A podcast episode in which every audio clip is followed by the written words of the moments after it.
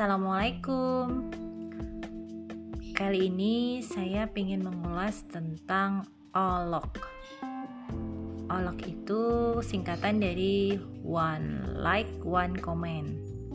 Jadi kalau kita posting di Facebook, di Instagram Itu kan biasanya supaya setiap kita posting bisa muncul di beranda atau di wall teman Facebook kita atau Instagram kita itu ada sesuatu yang bisa ngepush. Jadi supaya muncul terus di beranda orang.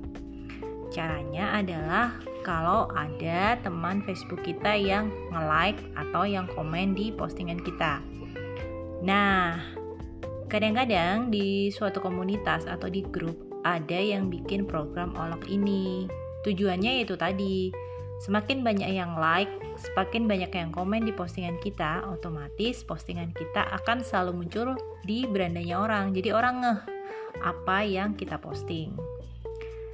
Nah, nanti di program Olok ini masing-masing pemilik akun Facebook atau Instagram nanti menulis link dari postingannya.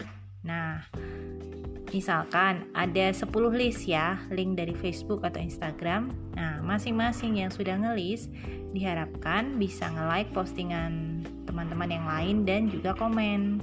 Nanti bisa ditentukan komennya minimal dua kata atau empat kata.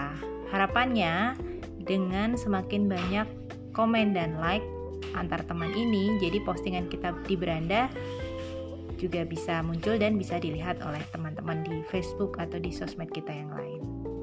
Oke, mungkin itu penjelasan saya. Semoga bisa dipahami. Terima kasih.